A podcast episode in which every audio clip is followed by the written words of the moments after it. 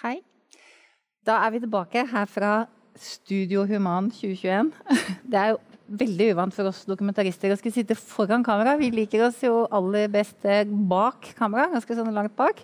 Og dessuten så er vi fryktelig glad i å klemme på hverandre, så det er veldig sånn uvant å møte folk og si takk til noen og hei til noen andre, og så ikke kunne gi hverandre en klem. Noen har vi til og med med oss på Zoom eh, nå også. Eh, vi skal ta en liten runde først, så kan dere fortelle hva dere heter, og hvilken film dere jobber med, og hva slags bakgrunn dere har. Kan vi begynne med deg, Silje?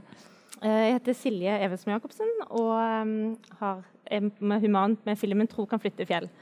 Jeg jobber mye med TV, og Team Ingebrigtsen jobba med i mange mange år før jeg gikk over til dokumentarfilm. Da. Og 'Tro kan flytte fjell' er min første feature-dokumentar. Ja, jeg heter Hans uh, Lukas Hansen. Um, har jobba med TV og dokumentar i, uh, i overkant av 15 år. Uh, Enkeltstående dokumentar har jeg, jobbet, jeg laga fem stykker av. Har ikke sett fem filmer. Og dette er 'Jakten på tontreet', som er med her. da. Er veldig glad for å være med meg. Det er den første liksom, internasjonale, da. Så det er veldig spennende. Og så har vi med oss på skjerm Fredrik ja, Fredrik Horn Akselsen. Jeg er jo her med Nordlands Jeanne d'Arc. Jeg har vel nå siste tiåret laga syv filmer, tre bøker, et dusin TV-serier, to unger, åtte manus. Så jeg har jo holdt meg travel. Det er bra. Og så har vi hva skal vi si, min egen Merete. Det er jo ikke en hemmelighet at vi har jobbet sammen med denne filmen, Merete. Vil du presentere ja. deg selv? Ja, jeg eh, er nå Merete Offerdal Tveit og eh, har vært regissør på Odelsgutt og Fantefølger. Ja. Og eh, ja, de siste, siste ti åra etter jeg var ferdig på Nordland kunst- og filmfagskole, så har jeg laga en del kortfilmer. En del lokale filmer og ja, litt mer mot, mot kunstfilmer òg. Og Odelsgutt og Fantefølger er jo da min første lengre film og, og dokumentarfilm. da. Jeg tenker at uh, disse filmene har jo noe av det som, Jeg prøver liksom å se etter sånne fellestrekk blant disse filmene som vi nå har satt sammen i en gruppe. Og noe av det som jeg ser at dere alle sammen har jobbet med, er jo på en måte å komme seg på måte, inn på innsiden av små, kanskje litt lukkede miljøer. Det kan være bygdefolk, eh, det kan være arkivarer og biblioteker, eller hvis vi begynner litt med dere to som er her, så kan vi snakke om mafia og nonneklostre. Hvordan kommer man inn? Altså, hvor mye kaffe, vafler eh, hva er det dette sliv og vitsj må man uh, ha i seg på en måte for å komme, for å få innpass disse stedene? Og hvor begynner man hen? Uh, Silje, har du lyst til å fortelle hvordan du kom i kontakt med disse nonnene? Ja, altså det var Min svigerfar, som er mm, en av hovedkarakterene i filmen, han, eh, han, har vært engasjert i dette prosjektet om klosteret på Syltefjellet i nesten 30 år. Så jeg visste liksom litt gjennom han, men han egentlig fortalt ikke så mye. Så jeg husker at jeg leste i, eh, i VG en fantastisk reportasje om disse nonnene. Og når jeg første gang så dem, så syntes jeg det var utrolig spennende, og spesielt hva de gjorde i bygda. Eh, men de er egentlig veldig veldig åpne og inviterer folk inn til seg, så det var ikke så vanskelig å komme i kontakt. Men det var en del kakespising. Og ikke bare med de, men med resten av bygda òg, for det er en film som handler om eh, lokalsamfunnet. Eh, og så er man litt sånn ivrig og gjerne litt lyst til å begynne å filme med en gang, men så må man ta seg tid til å sette seg ned og, spise kake og vafler. Og. og så fotografen min, hun ene som var med, hun har glutenallergi. Men hun takka liksom aldri nei. Så hun bare smøg liksom kaken over til meg, så jeg fikk sånn dobbel dose. Så jeg er sånn høy på sukker i, i begynnelsen. Men det ble en del kaker og um, kaffe og vafler ja, for å bli kjent. Altså, Lukas, det har både vært uh, italiensk vin og så har det vært det, det er noe brennevin de holder på med der nede i Bosnia som uh, også dukker opp i filmen. Fikk du i deg, måtte du få i deg mye av det? Ja, jeg fikk i meg tilstrekkelig. Det var jo litt sånn kontrastfullt, det. da, fordi eh, fiolinmakeren Gaspar og det miljøet der i, eh, i Cremona, det er, jo, altså det er jo høykultur. Det er små espressokopper, og det er eh, fin, fin, vin i fine glass. Mens eh, når vi fulgte han da over for, for, å jakte etter noen eh, ytterst få trær som, som, ligger da i Bosnia, så er jo det et veldig sånn ganske store kontraster mellom de to landene og kulturene. der da, og eh, han fikseren som skulle ta oss rundt, og Gaspar hadde som sin wingman der borte, Første møte med han var at han som sjåfør da haler opp en flaske med sånn hjemmebrent eh, plommesprit som han har brygga sjøl, og byr på det og tar seg noen gode klunker eh, hele veien. Det gjorde han hver, hver kjøretur, hvis det er lov å fortelle om det. Men han var også veldig tydelig på at vi kom til menn som, og damer og, og folk som skulle hjelpe oss, så var det sånn If they offer you some uh, homemade slivovic, never say no. Og da var det sånn eh, Da var det bare å takke ja, da, og sitte liksom selv om det brant innvendig i kroppen, så bare si oh, Very good, you're homemade Slivovic. Så det, det, var, ja, og da var det tillit med, med en gang. og Merete, var jo, det var jo en, en, del eh, kaffekopper og Det var noe akevitt, husker jeg, på et tidspunkt oppe i Kvam også, var det ikke det? Ja, det var noe akevitt inne i bildet der òg, ja. Men det ble mange kaffekopper, ja. Og eh, da blir det jo selvfølgelig alltid.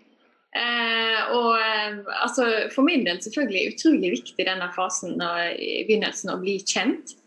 Eh, vel så viktig føler jeg at de, de blir kjent med, med meg, at, eh, at, de får tid til det. Og da kjente jeg veldig på i Kvam hva de trengte da. Eh, altså, litt skeptisk i begynnelsen. Eh, var jeg nok en journalist som skulle liksom, eh, spiller på folk sine fordommer mot bygdefolk og, og sånn. Eh, og liksom, ja, de, de, jeg kjente på det i begynnelsen. Um, og at eh, liksom, her, må jeg bare, her må jeg bruke litt tid. Sette meg godt ned i stolen og drikke kaffe. Og, og bare ja, selvfølgelig bli kjent med dem. Så eh, nei, det var, det var mange sånne kaffe, kaffebesøk der, ja. Som var utrolig viktig å, å gjøre før en i hele tatt kunne kunne vurdere å, å begynne å filme. ja. Mm. Hvordan er det med deg, Fredrik? Du eh, har jo vært inne i Du, har vel snakket med en del eh, arkivarer og historikere, og liksom gravd, gravd deg også ned i en lokal historie. Hvor, eh, hva, hva, hva, er det du må servere eller ha i deg for å komme inn de dørene der? Ja, Det store trikset er vel at folk føler seg sett, tenker jeg. Altså At de føler seg sett, og at man er engasjert i den jobben de gjør. Altså at Jeg blir jo dødsinteressert i bilder som de har. Jeg kan jo hoppe i taket over et bilde jeg har sett egentlig tre ganger før i bedre kvalitet. Men for å få de til å føle at OK, de har noe å bidra med, da. Det er jo kanskje det store trikset. Så har jeg jo et høy toleranse for småkaker og kaffe, så det hjelper jo også på. Det er jo det er mange utfordringer altså vi skal gjennom eh, når vi lager dokumentarfilm. Men hva har vært eh, jeg lyst til at vi tar en liten runde på det. Hva har vært de største utfordringene i deres prosjekt? Eh, altså sånn, vi, vi, dokumentarister er jo kjent for å være veldig sjenerøse med hverandre og dele erfaringer og dele nettverk. Og kanskje til og med noe jeg tenker at vi kanskje lærer aller mest av, er jo når vi får vite hva som ikke alltid gikk helt sånn som planlagt når vi satte i gang med disse filmene våre. Så den største utfordringen for deg, Silje, i ditt prosjekt, hva tenker du at det har vært? Det har jo vært en del utfordringer som det ofte er når man lager film om ekte mennesker. Men um, å komme til ei lita bygd, tror jeg, og, og, fortelle at du skal lage en film og få det til å forstå og, og skape tillit. Eh, og så var det jo også Siden um, min svigerfar var ordfører så veldig for dette klosteret, så måtte de forstå at jeg var ikke ute på oppdrag for han. Jeg var selvstendig og uavhengig og skulle lage en film og speile på en måte mm, eh, begge sider. Så til å forstå det og ha tillit til det, og, og til å forstå hva jeg tenkte å lage For det er jo ikke alltid vi vet det helt sjøl heller. Så én ting er at du skal på en måte gjøre de trygge på det de skal være med på. Men du, man er jo litt sånn å leite og finne ut av ting underveis òg. Men eh, kanskje det har vært den største utfordringen sånn i det store bildet. Mm. Mm -hmm. Hva sier du? Ja, du, nei, eh, jeg tenker Det har vært litt sånn todelt. Det som er helt opplagt praktiske har jo vært at vi sitter i Norge og skal lage en film som utspiller seg i Cremona. og en mann som eh, skal på skattejakt i, i, i Bosnia og i, på Balkan i det hele tatt. da, eh, Som gjør at eh, vi må være veldig sånn, treffsikre på når vi skal dra på opptak. Vi får jo ikke dyrka, eh, vi får ikke pleid liksom, den dialogen, den kontakten så ofte. da. Det var mye telefoner og sånt, men det å være der og være til stede Man skulle ønske man kunne bare henge rundt mennesker 24-7, eh, så man har liksom vedlikeholder den tilliten og dialogen. og Dukker det opp noe, så har du det. Så derfor så det har vært litt uh, utfordrende. Men jeg vil også si, for å være så kjedelig å gå på det med finansiering, da, for det må ha en story som Du har vært rundt på forum og skal pitche det her, og, og skal liksom på en skattejakt og mer eller mindre proklamere at vi skal forfølge en regnbue for å se om det er en uh, gryte med gull i andre enden. da, så er det sånn folk sier But does it, does it find the tree? Will there be a violin? Så det er sånn Yes, yes, it will be altså, det, det, har vært sånn, Vi har vært veldig klar på at det Og stolt veldig på det, da. Vi har vært mest opptatt av at liksom, jakten skal være det drivende, da. Så eh, skal ikke jeg fortelle så mye om slutten, men uh, det, det, var, det lønna seg i hvert fall for oss. da. Men det var to store utfordringer. Mm -hmm. For er jo, der er jo du eh, hva skal vi si, et lite fortrinn, eh, Fredrik. For du, når du jobber med arki arkivfilm og rekonstruksjoner, så kjenner jo du mer til uh, historien din når du på en måte setter i gang å filme. Men hvordan finner du fram til historien din? Kan du si noe om hva som er din, dine utfordringer i den prosessen?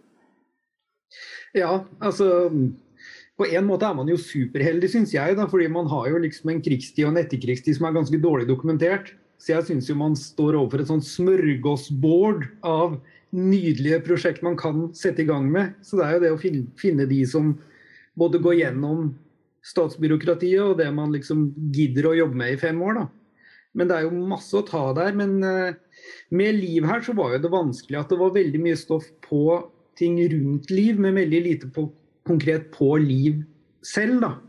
Det var jo stadig, en stadig utfordring at man måtte lese seg gjennom hundrevis av sider med dokumenter for å finne de to setningene om liv som man kunne bygge ut til en rekonstruksjon, eller som man kunne på en måte eh, hjelpe hennes karakter frem med. Da.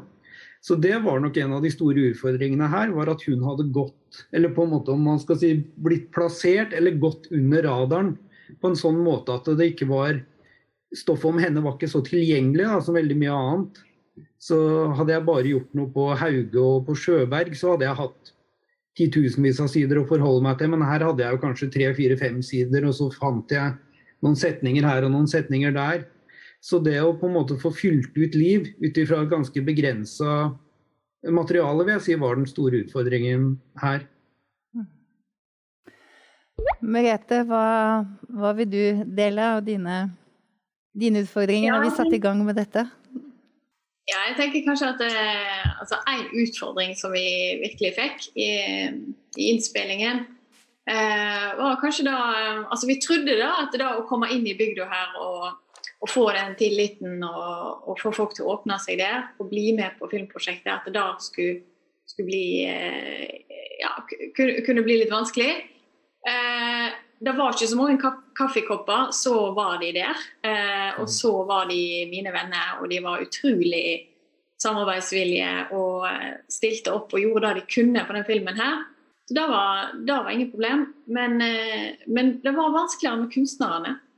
Og eh, Utgangspunktet var at vi hadde lyst til å lage en film der vi skulle bli like mye kjent med de som er folk i bygda. Vi skulle høre, eh, høre begge sine versjoner av det som hadde utspilt seg og en måte følge deres opplevelser da når kunstnerne skal tilbake og sette opp verket en gang til.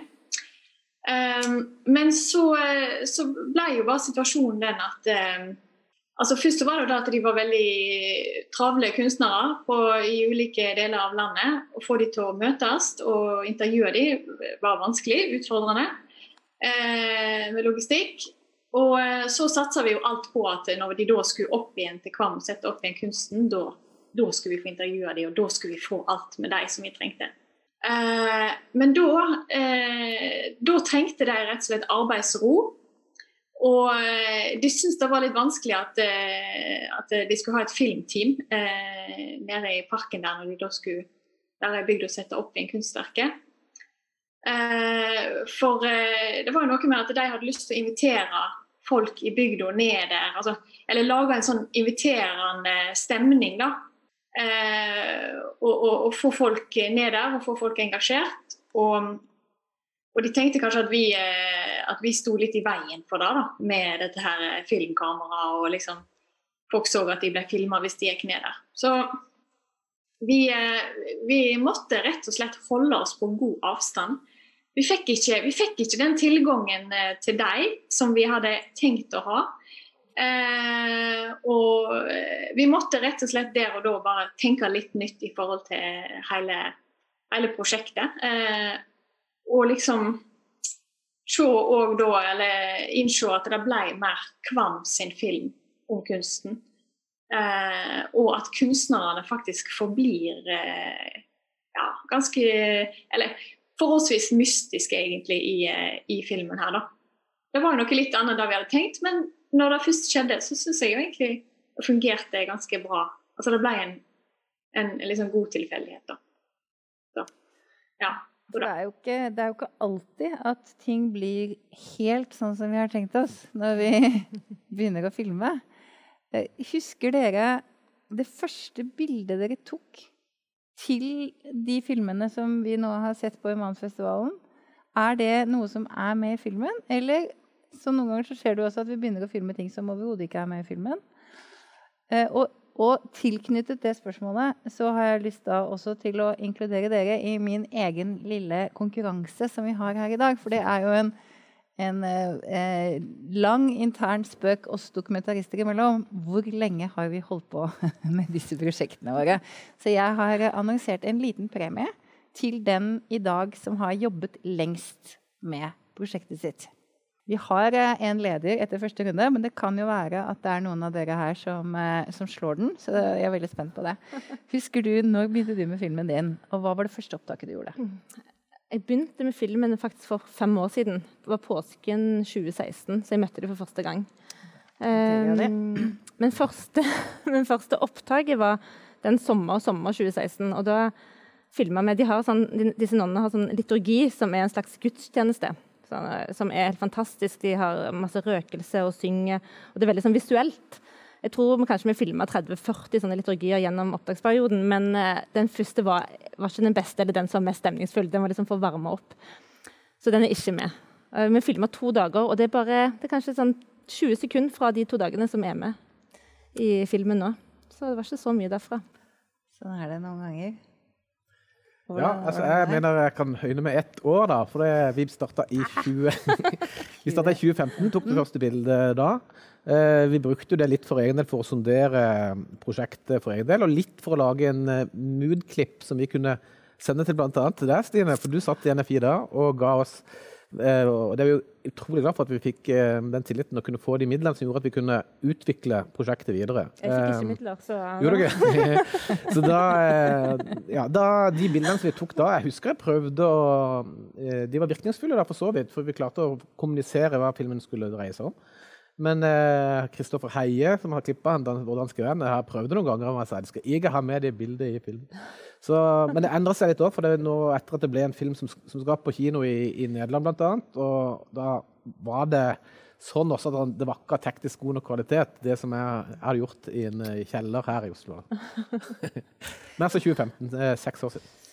Ja, det er jo ofte litt sånn at vi begynner å filme mm, kanskje uten fotograf, med et litt sånn eget uh, kamera, og det hele blir sånn litt uh, hjemmesnekra og ikke alltid godt nok til å bli med i den endelige filmen. Men noen ganger så kan det jo være begynnelsen på å overbevise en, uh, en konsulent f.eks. eller en annen finansiør. da. Det er, kan du huske, Merete, hva som var det første bildet du tok? Ja, det var jo da Eh, det var jo et sånn type opptak eh, der jeg ikke hadde fotograf og ikke hadde finansiering. Eh, og jeg hadde vel ikke deg med på det tidspunktet heller, tror jeg. Da reiste jeg, tok toget opp til Kvam og eh, filma da kommunestyremøte. Eller var ikke, det var ikke kommunestyremøte, men det var et møte i kommunehuset eh, mellom ordfører, fylkeskultursjef og representanter fra bygda. Der de da skulle diskutere veien videre etter at eh, kunstverket da først hadde blitt eh, fjerna. Altså først var det hærverk, og så ble det fjerna da. Og hva, hva, skulle bli veien videre nå? Skulle en bare pakke det vekk eh, og, og, sette strek over den historien der, eller skulle en sette opp igjen kunstverket? Eh, så jeg ante jo eh, ingenting om hvordan historien kom til å utvikle seg, selvfølgelig. Altså, men eh, filma to, to, og en halv time med eh, thrillerspenning i dette her eh, møtet i kommunehuset. Det var utrolig fascinerende å høre på. Og konklusjonen ble jo heldigvis da at kunsten skulle opp igjen. Så det, det, er en del av det møtet som er med i filmen. Eh, filmer med sant, mitt digitale speilrefleks og dårlig lyd og alt det der. Men her var, da var det innholdet. Altså de kommentarene og det som blir sagt eh, i møtet, var for bra til å, til å ikke ha det med, tross i litt dårlig kvalitet.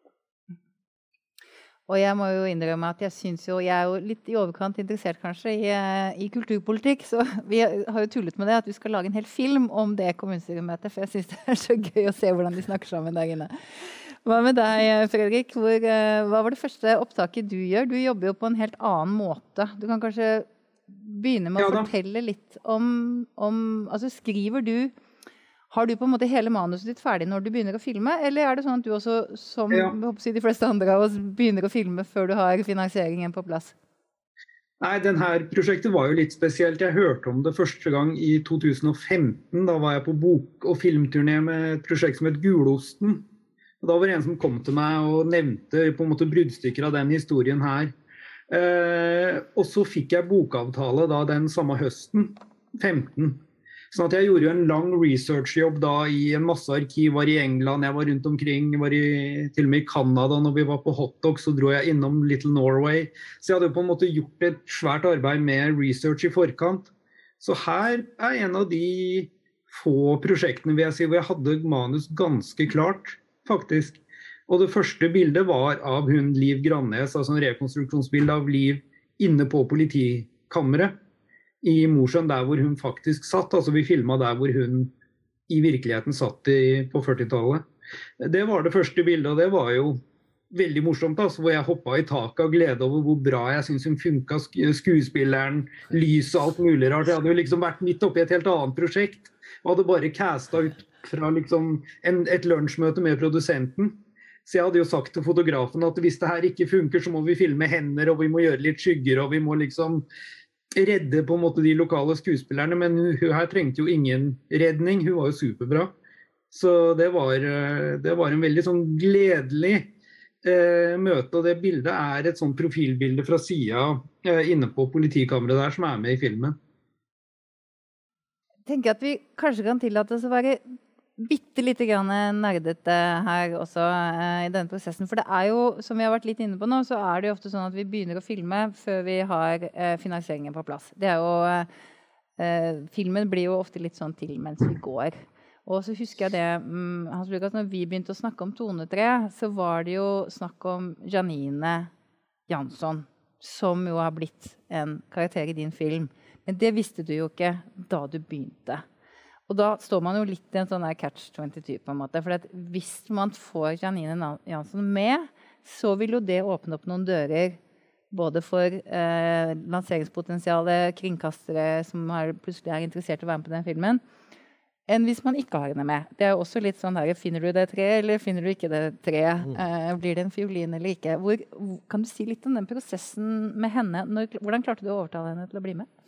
Nei, det, det, var sånn at eh, nå er, Janine Jønsen er jo fra, fra Nederland. Det kan bare forbinde den ene, det, det, har jo også ført til at uh, den filmen da, som jeg nevnte i stad, plutselig får uh, kinotid i Nederland òg, for der er hun opp, uh, opplagt en stor stjerne. Jeg visste jo ikke så mye om det, verken om Janine Jønsen eller om, om, visste ikke så mye om fioliner heller, for å være ærlig den tida. Men vår fiolinmaker han var veldig opptatt av å forfølge gamle mesternes eh, oppskrift. og Det handla om å lage et mesterverk og lage en veldig god fiolin. Så må den skreddersys til helt eh, konkret en artist. da. Sånn at det, det, var på hans liste at, den, eh, at det navnet sto på, på, blokka. Og Den henvendelsen gikk da med initiativ fra, fra Gaspar. Men så har det seg også sånn at den norske linken her er at eh, Janine Jansen spiller til daglig på en Stradivarius som eh, koster eh, vet ikke om lov til å si, den koster i overkant av 100 millioner kroner. Eh, bygd for 300 år siden. Den, eh, den er i eie av en stiftelse i Norge eh, som har eh, noen av verdens største, den, kanskje verdens, en av verdens største samlinger av strykeinstrumenter. Så vi tok kontakt med de og snakka med de om det. Det førte både til litt hjelp med finansiering og kontakt med Janine. Og vi kunne dra over og lage en situasjon, da, dokumentarsituasjon hvor Gaspar reiser over ens ærend i møte med artisten for å, for å, selge inn sin plan og sin drøm. Eh, så viser det seg at Hun har jo liksom gjort en karriere, en sånn verdenskarriere på å være fiolinist, men vet opp, opp, veldig lite om sitt eget instrument og om historien bak. da. Så det ble en veldig sånn dragning eh, fra begge sider da, mot å realisere det prosjektet eh, som et samarbeid. Så eh, ja, så hun har vært strålende fornøyd med å være med hele veien, men er jo også en en dame som er ettertrakta og reiser verden rundt på og spiller. da. Så det var nok en en ganske lang hyssing liksom, til uh, noe innhold som vi måtte prøve å ha dialog med hele veien. Mm. Og Merete, eh, vi har jo jobbet med noe som heter Nye veier på Norsk Filminstitutt. Har du lyst til å fortelle litt sånn kort hva det har gått ut på?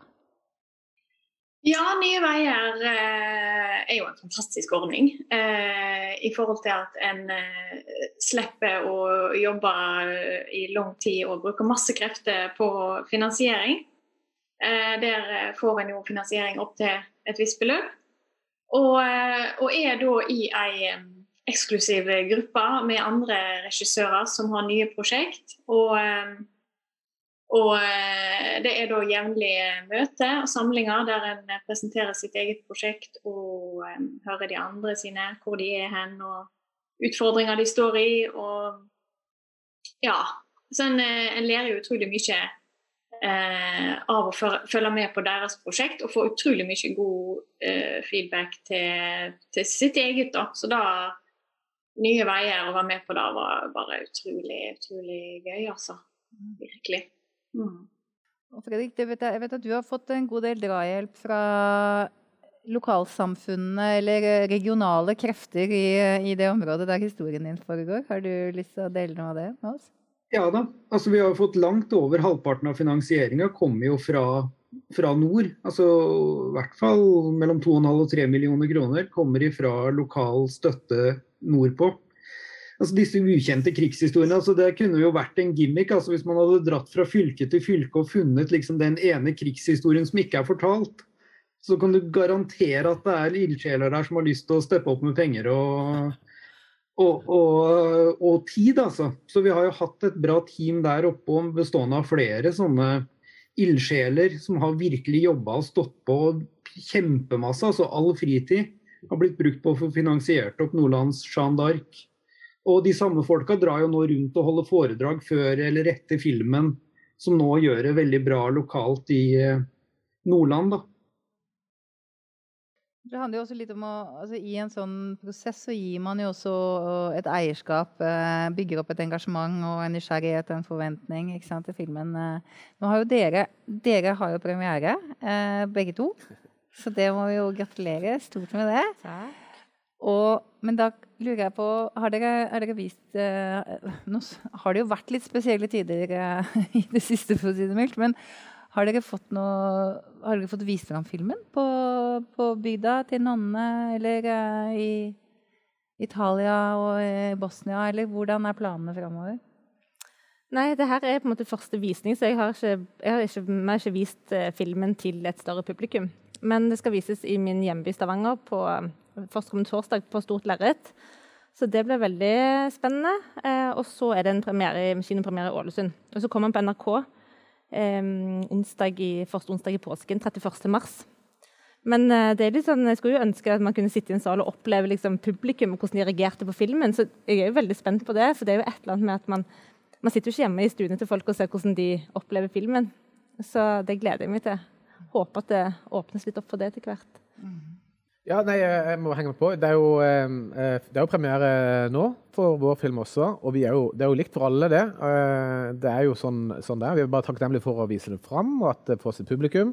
Og så skal den gå på NRK i, i april, eh, er planen. Og i, ja, på flere TV-kanaler også, i, i forlengelsen av det.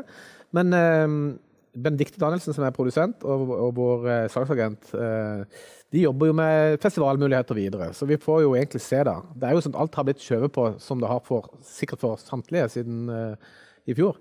Så det er jo litt sånn uh, ubestemt hvordan det blir. Men det, hadde, altså det er veldig fram til som du sier da, å kunne være et sted å se filmen sammen med folk. Så vi, jeg vet at Benedicte prøver å få til en visning i Kristiansand, hvor vi begge kommer fra. da, På Phoenix kino. At vi kanskje kan ha litt folk, da. For det må jeg bare si, det er jo litt underlig at man liksom ikke får noe kontakt med sitt publikum. da. Du vet jo ikke Du får en tekstmelding som er sånn 'fin film'. Hva, hva betyr det? Men eh, det er, sånn er det, da. Men eh, vi føler jo at den er sjøsatt her og nå i Oslo, hvor det hele starta. Veldig stolt av det. Mm. Ja, Margrethe, vi var jo så utrolig heldige at vi fant en bitte liten uh, en liten gløppe i dette koronahelvetet. Eh, vi må nesten si noe om det, Merete. Ja. ja, altså vi fikk jo en uh, superfin premiere i Kvam, da. Og eh, måten vi løste det på, var jo med drive-in-kino. Det går jo an å ha. Så, eh, så vi lagde et skikkelig drive-in-kino på denne bobilplassen. Eh, og det var bare knallstemning. Masse, masse, masse folk. Det går jo an å ha. Så, eh, så vi lagde et skikkelig drive-in-kino på denne bobilplassen. Eh, Der fikk vi deg igjen i opptak, tror jeg. En liten lutt der. vet du hva det var jo, Og det må vi jo si at den festen som vi hadde etterpå på, da, på Sinclair, på puben i Kvam, den festen blir jo selvfølgelig stående som det aller, aller morsomste som skjedde i 2020. Og den blir jo bare morsommere og morsommere for hver dag som går. Det var bare helt, det var en fantastisk eh, det var en fantastisk kveld. Vi skal runde av, men eh, Fredrik, du har jo også vært litt rundt omkring med filmen din. Eh, og på tross av dette så har den blitt sett av, eh, av noen rundt Mange, mange, mange, mange, mange, mange, mange. Nei da, men vi hadde sju utsolgte eh, visninger på rad eh, i Mosjøen. Så der er den jo nå sett av snart 3000 mennesker i en, eh, i en befolkning av 9500. Så Mosjøen har jo gått av hengslene for Nordlands Jeanne d'Arc. Eh, og vi har også nå satt opp 20 visninger til i Trondheim. Så nord for Dovre så har jo vi gjort vår eh, satsing. Og det har jo så langt vært vellykka for den filmen, i hvert fall. Så får vi jo se om vi klarer å komme oss eh, sørover etter hvert. Den skal jo på NRK anslagsvis eh, i mai. Vi får se nå når den blir satt på, men i alle fall seinere i år. Og, da, og så er det jo sånn at eh, alle disse filmene er tilgjengelig på Human sin eh, plattform fram til 14. mars. Så det er mulig å gå inn og se alle disse filmene som vi har snakket om nå, eh, der. Så det vil jeg bare oppfordre deg til å gjøre. Og så gjelder det jo da å følge med i kveld, for det er da den store prisutdelingen i dette konkurranseprogrammet som, som disse filmene deltar i. Så tusen takk for praten. Og vi ses eh, snart igjen. Det kommer til å bli et lite avbrekk her nå med en ny omrigg og noen ny sånn antibac og en liten, en liten pilot. Og så vi, skal vi snakke digitalt med eh, to nye regissører etter pausen.